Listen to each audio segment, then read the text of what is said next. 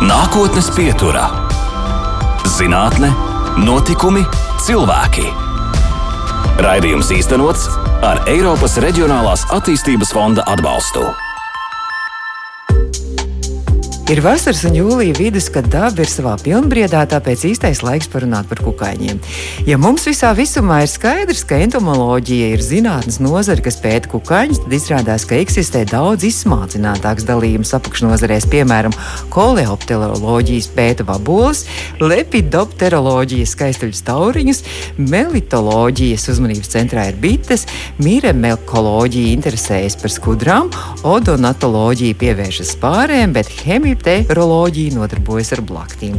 Nākotnes pietura centīsies noskaidrot, kurš no šīs mazispēra dzīvās radības eksemplāriem ir mūsu šodienas viesu favorīts. Un šodien nākotnes pieturā viens no vadošajiem Latvijas kukaiņu pētniekiem, Latvijas Universitātes bioloģijas fakultātes pasniedzējs, ļoti iecienīts dabas un dzīvnieku vērošanas pārgājienu vadītājs, entomologs Kristaps Vilks. Kristap, labvakar! Labvakar! Nu tad, kurš novirziens ir jūsējais? Ko jūs visvairāk pētat?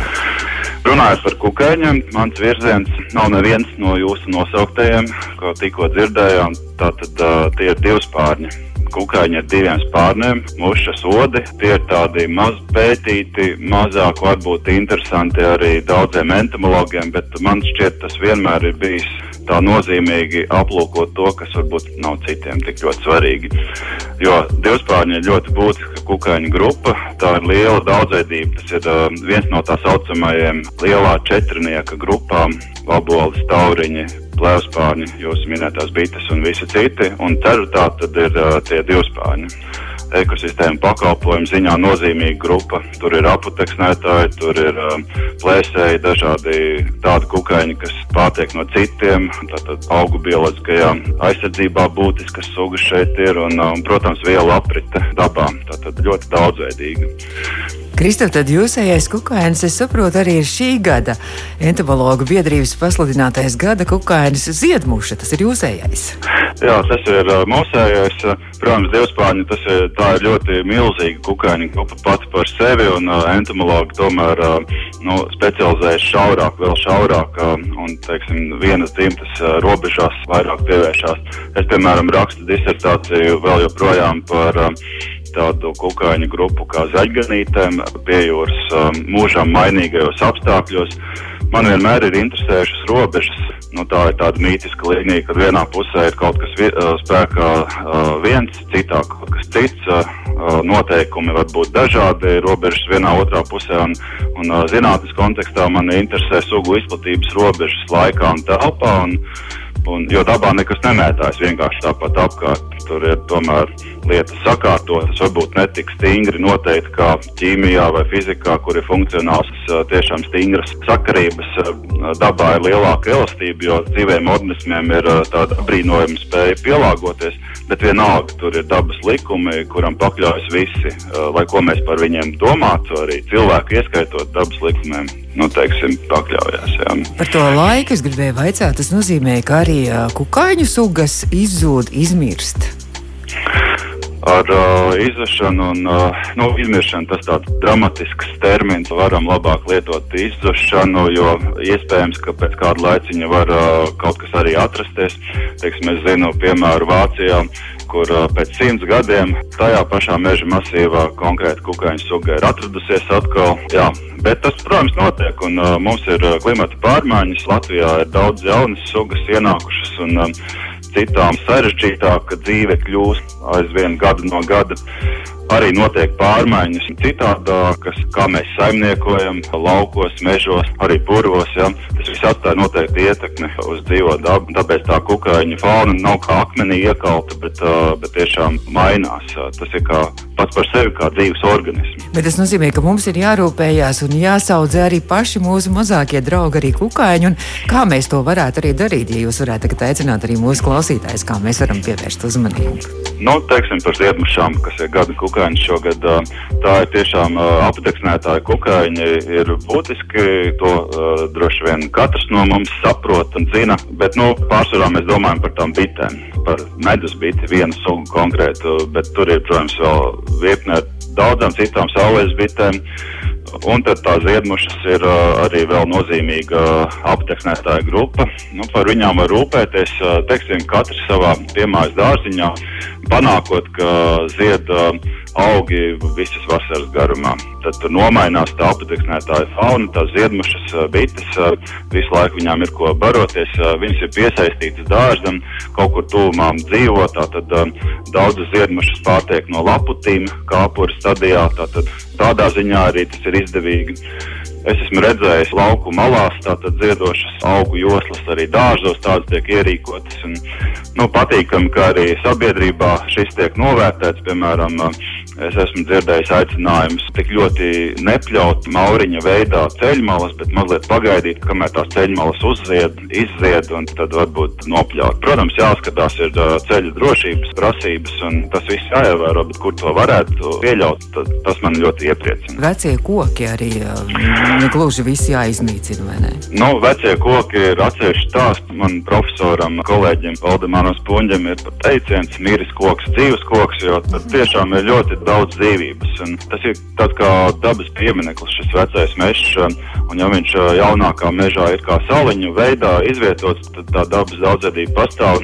Un viens no maniem arī tādiem zinātnisku pētnieciskajiem mērķiem ir mēģināt atrast to līdzsvaru, mēģināt saprast, kā zinātniski pamatoti varētu organizēt īstenot to dabas aizsardzību. Un vecie meži ir ļoti būtiski šajā kontekstā. Es esmu skatījis vairākas sugas kopā, protams, ar studentiem. Mani studenti ir daudz arī darbojušies šajā lauciņā. Konkrētas aizsargājumās sugas, piemēram, tādas oboles kā kujkoku diškoks un grauzes. Šogad man izdevās jau arī atrast tepat līterē šo tiešām vienu no lielākajām Latvijas obolēm. Tad ir uh, Šneidera izmīlis, kas dzīvo uz nokautušām priedēm, vēl pirms uh, laiciņa mēs nezinājām, kur šī suga atrodas, kādos apstākļos mīt, tad es sāku skatīties zinātniskās publikācijas, konstatēju, ka tepat kaimiņos ir diezgan daudz šīs sugas. Pēc tam jau pievēršoties tuvāk, jau noskaidrojās vietas arī, kur Latvijā viņš ir. Tieši man interesē tās problēmas situācijas. Ja kaut kas ir atrisināts, tad tas man paliek tā kā mazāk interesanti. Es gribu, teiksim, saprast tās jautājumus, tās sugas atrast vai, nu, teiksim, noskaidrot, lai varbūt citi varētu tālāk jau pievērsties. Nākotnes pieturā. Mēs turpinām mūsu raidījumu nākotnes pietura, un nākotnes pieturas viesis šodien ir entomologs Kristaps Vilks, šo raidījumu iespējams klausīties arī Apple, Google, arī Spotify podkāstos un arī Facebook arī saita. Kristap, es gribēju vaicāt par to, jūs saucāt pirms brīža tik interesants arī visu šo kukaiņu nosaukumus. Kas dod vārdus kukaiņiem? Kukaiņu vārdi ir tāds sarežģīts jautājums. Daudziem varbūt pat nav nepieciešami vārdi latviešu valodā valodā, jo iedomājamies paši tūkstošiem un tūkstošiem kukaiņu sugu. Lielāko daļu no šiem kukaiņiem neviens izņemot konkrēti speciālistus neatpazīst, un līdz ar to tas vārds ir nu, mazāk būtisks šādām sugām. Tam, kam vajadzētu būt nosaukumiem, ir tās īpašās sugas, tās sarkanās sugas, teiksim, aizsargāmās sugas vai lauksainicībā, mežsaimniecībā būtiskās sugas, kaitēkļiem, piemēram. Ja. Daudz nosaukumu ir vēsturiski, daudzām sugām ir vairāki nosaukumi, tā teikt, sinonīmi pieejami arī latviešu valodā. Un, uh, es zinu, ka arī mani kolēģi ir devuši nosaukumu. Es pats nevienam kukainim tā īsti neesmu vēl devis latviešu nosaukumu, lai gan šobrīd uh, dabas datos ir tāda um, aktivitāte kā koksngraužu vērošanas sezona. Un tur uh, tās ietvaros man tiešām gribētos vienai sugai piešķirt nosaukumu ozola koksngrauzes, kas ir tiešām ar ozoliem saistīts. Šāds vārds vēl nav, šāds nosaukums. Tāds vēl nav, jā, mums. Bet, nu, var, protams, skatīties, kā tas ir citās valodās. Vācu valodā, zviedru valodā, krievu un tā tālāk. Jā, tad uh, līdz ar to jāizpēta, protams, ir tas latīniskais nosaukums, kas ir uh, pats svarīgākais, jo tas visbiežāk slēpj kaut kādas īpašības, kas tam kukainim ir raksturīgas. Jūs pieminējāt portālu dabas datus, arī palūkojos tur, un tur ir ļoti daudzveidīgs un ļoti interesants. Un es saprotu, ka tie, kas ir tādi dabas entuziasti, kas nav speciālisti, arī var piedalīties šī portāla veidošanā un arī dabas novērojuma dienas grāmatas veidošanā. Jā, dabas dati tas ir kaut kas lielisks, teikt, jo atļauj visplašākajam cilvēku lokam piedalīties, teikt, būt klāt. Un uh, vēl viens mans tāds arī zinātniskās darbības, tāds virziens ir sabiedriskā zinātne, cilvēku iesaistīšana zinātnē. Un, uh, Eiropā ir uh, ļoti populāra tauriņu vērošana, tauriņu skaitīšana, un tauriņi paši par sevi ir uh, tāda būtiska kukaiņu grupa, kas ļauj labi novērtēt vidas kvalitātes stāvokli. Tieši zinot, kādas tauriņu sugas konkrētā vietā ir atrodamas, mēs pēc tiem tauriņiem faktiski izlasām šo tauriņu grāmatu, pārnestā nozīmē un saprotam, kas notiek ar to dabu, ar to vidi konkrētajā vietā. Man šogad ir izdevies, tiešām es ļoti priecājos, ka no dabas datu lietotāju loka ir cilvēki, kas ir um, parakstījušies uz šo savu dzīvesvietu apkārtnē, paskatīties tauriņus sezonas garumā. Tādā veidā Latvija pamazām, pamazām iesaistās Eiropas kopējā saimē, jo, teiksim, Lielbritānijā vai Nīderlandē tur uh, simtiem un tūkstošiem cilvēku ar šo nodarbojas. Līdz ar to arī mēs zinātniski iegūstam datus, ko tālāk varam likt priekšā Eiropas komisijai kaut vai, lai pieņemtu tādus vai citādus lēmumus par dabas aizsardzību, par um, teritoriju apsaimniekošanu. Jā, tādēļ tas ir ļoti būtiski. Un dabas dati tas ir tā platforma, kur tas viss notiek, un tur, tur notiek uh, intensīva tāda uh, darbošanās. Es pamanīju, ka jūs arī esat veicis pagājušajā gadā tādu pārskatu par dienas tauriņu vērošanu, kas īstenībā tāda prezentācija, kas ir ļoti krāšņa un skaista ar uh, fotografijām. Un sakiet, nu kā var nofotografēt? Varbūt jums arī ir kāds padoms mūsu klausītājiem, kā var to foto panākt tik brīnišķīgi tūplāns. Jā, nu, kukaiņu fotografēšana no vienas puses prasa tur īpašu pieeju, makrofotografiju. Labākās bildes tiešām ir, no uz to ir jāiet speciāli, jo jāzina, kur tie kukaiņi ir, kad viņus fotografēt un kā. Bet tajā pašā laikā mūsdienās kukaiņus var nobildēt kaut vai ar, ar vispārstāko vietu tālruni. Un tas būtiski veicina cilvēku iesaistīšanās iespējas nu, plašāks lokus var to darīt. Un, teiksim, pieiet pie ziedoša auga, pie kāda čemurzieža ceļmalā, un tur ir ziedmušas, tur ir tauriņi, un mierīgi var šos kukaiņus nobildēt, kamēr tie barojās ar šiem ziediem. Piemēram, ja gribu uzskaitīt arī šos datus un palīdzēt jums, tad ir jāzina, kas tas ir konkrēti par kukaiņu, vai viņš aizsūta jums fotografiju, un tad jau jūs pats nosakat to. Dabas datos var ielikt šo bildi. Pat ja cilvēks nezina, kas tas ir, tad dabas datos ir cilvēki, kas palīdz noteikt šos dabas objektus. Teiksim, mans kolēģis, amatieru entomologs Kolkā, Mareks Ieviņš ļoti palīdz pārskatīt šos novērojumus. Tāpat tās arī citi. Uģis Piterāns ir faktiski dabas datu kukaiņu vērošanas dvēsele. Līdz ar to tā atgriezeniskā saite cilvēkiem būtiski saprast, ko viņš ir redzējis. Un tad rodās interese atkal nākamos vērojumus veikt. Es sapratu arī, lai daudz maz profesionāli tas notika, tad arī nemaz tā nedrīkst tā vienkārši ieraudzīt kaut ko skaistu un nobildēt. Droši vien arī tā drīkst, bet, uh, lai profesionāli to darītu, tad droši vien ir jāzina pareizā dienas laikā un konkrētos laikos katru dienu. Un tad vēl tur tāds termins bija kā transekte, kurš.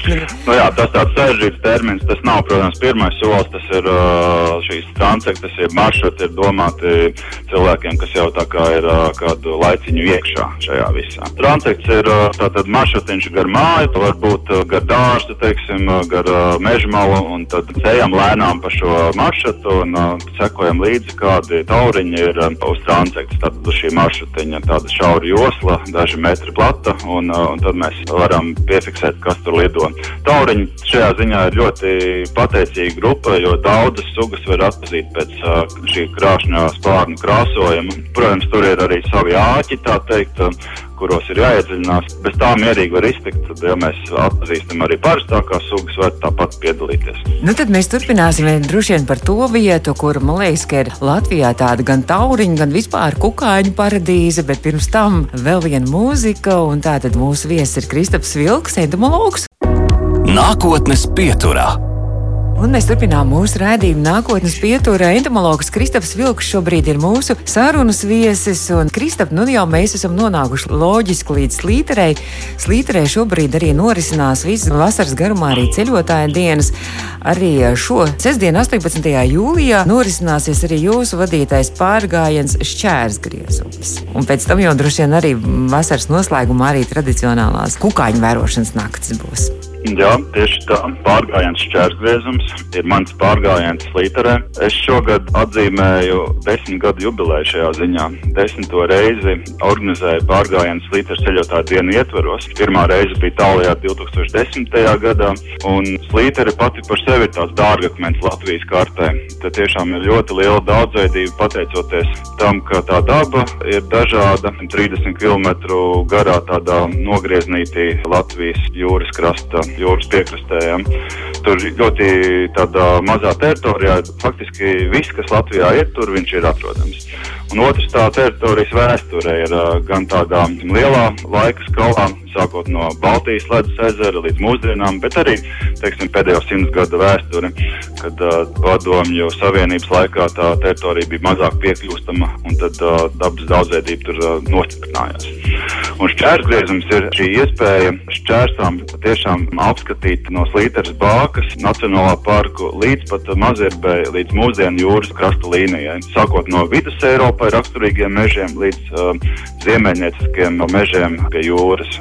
Es domāju, ka mēs tagad droši vien esam sakārdinājuši arī mūsu klausītājus ar jūsu vadīto pārgājienu Līteres ceļotāju dienās. Kaut gan man teica, ka vienmēr esat jums milzīga piekrišana un pārpildīta ir šie pārgājieni. Es pat nezinu, vai mēs drīkstam vispār aicināt klausītājus sestdien jums pievienoties. Nu, protams, ir noticis neizbēgamais un uh, atkal visas dalībnieku vietas ir jau aizņemtas.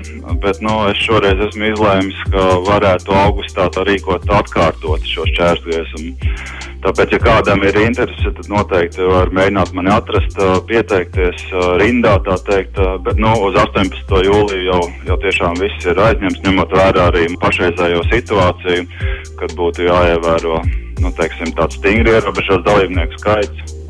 Tādēļ varam varbūt tikties otru reizi kaut kad augustā. Augustā Kristap parasti ir arī izlolotās jūsu leģendārās slīteres kukaiņu naktis, vai šogad tā notiks? Jā, tas arī būs. Varbūt ne tādā formātā kā iepriekš. Būs iespēja tiesa gan tāpat kā pēdējos gados iziet slīteres zilo kalnu dabas taku, tāpēc jāņem līdzi lukturītis. Un uh, atsevišķās vietās būs izgaismoti koki, uh, tādi gaismas ekrāni, faktiski skatuve, kur notiks tāds improvizēts teātris. Un kas būs aktieri? Aktieri būs naktskukaiņi, pucītes, lācīši, sprīžmeši, un beigu beigās tur noteikti ieradīsies arī kāds sfinks. Uh, Parasti tas notiek pusnaktī. Bet mēs nekad nezinām, kuri aktieri ieradīsies, kuri nē. Tātad tas, tāpēc tā improvizācija. Es esmu dzirdējis, ka aktieri ne tikai uzstājās, viņi arī muzicē.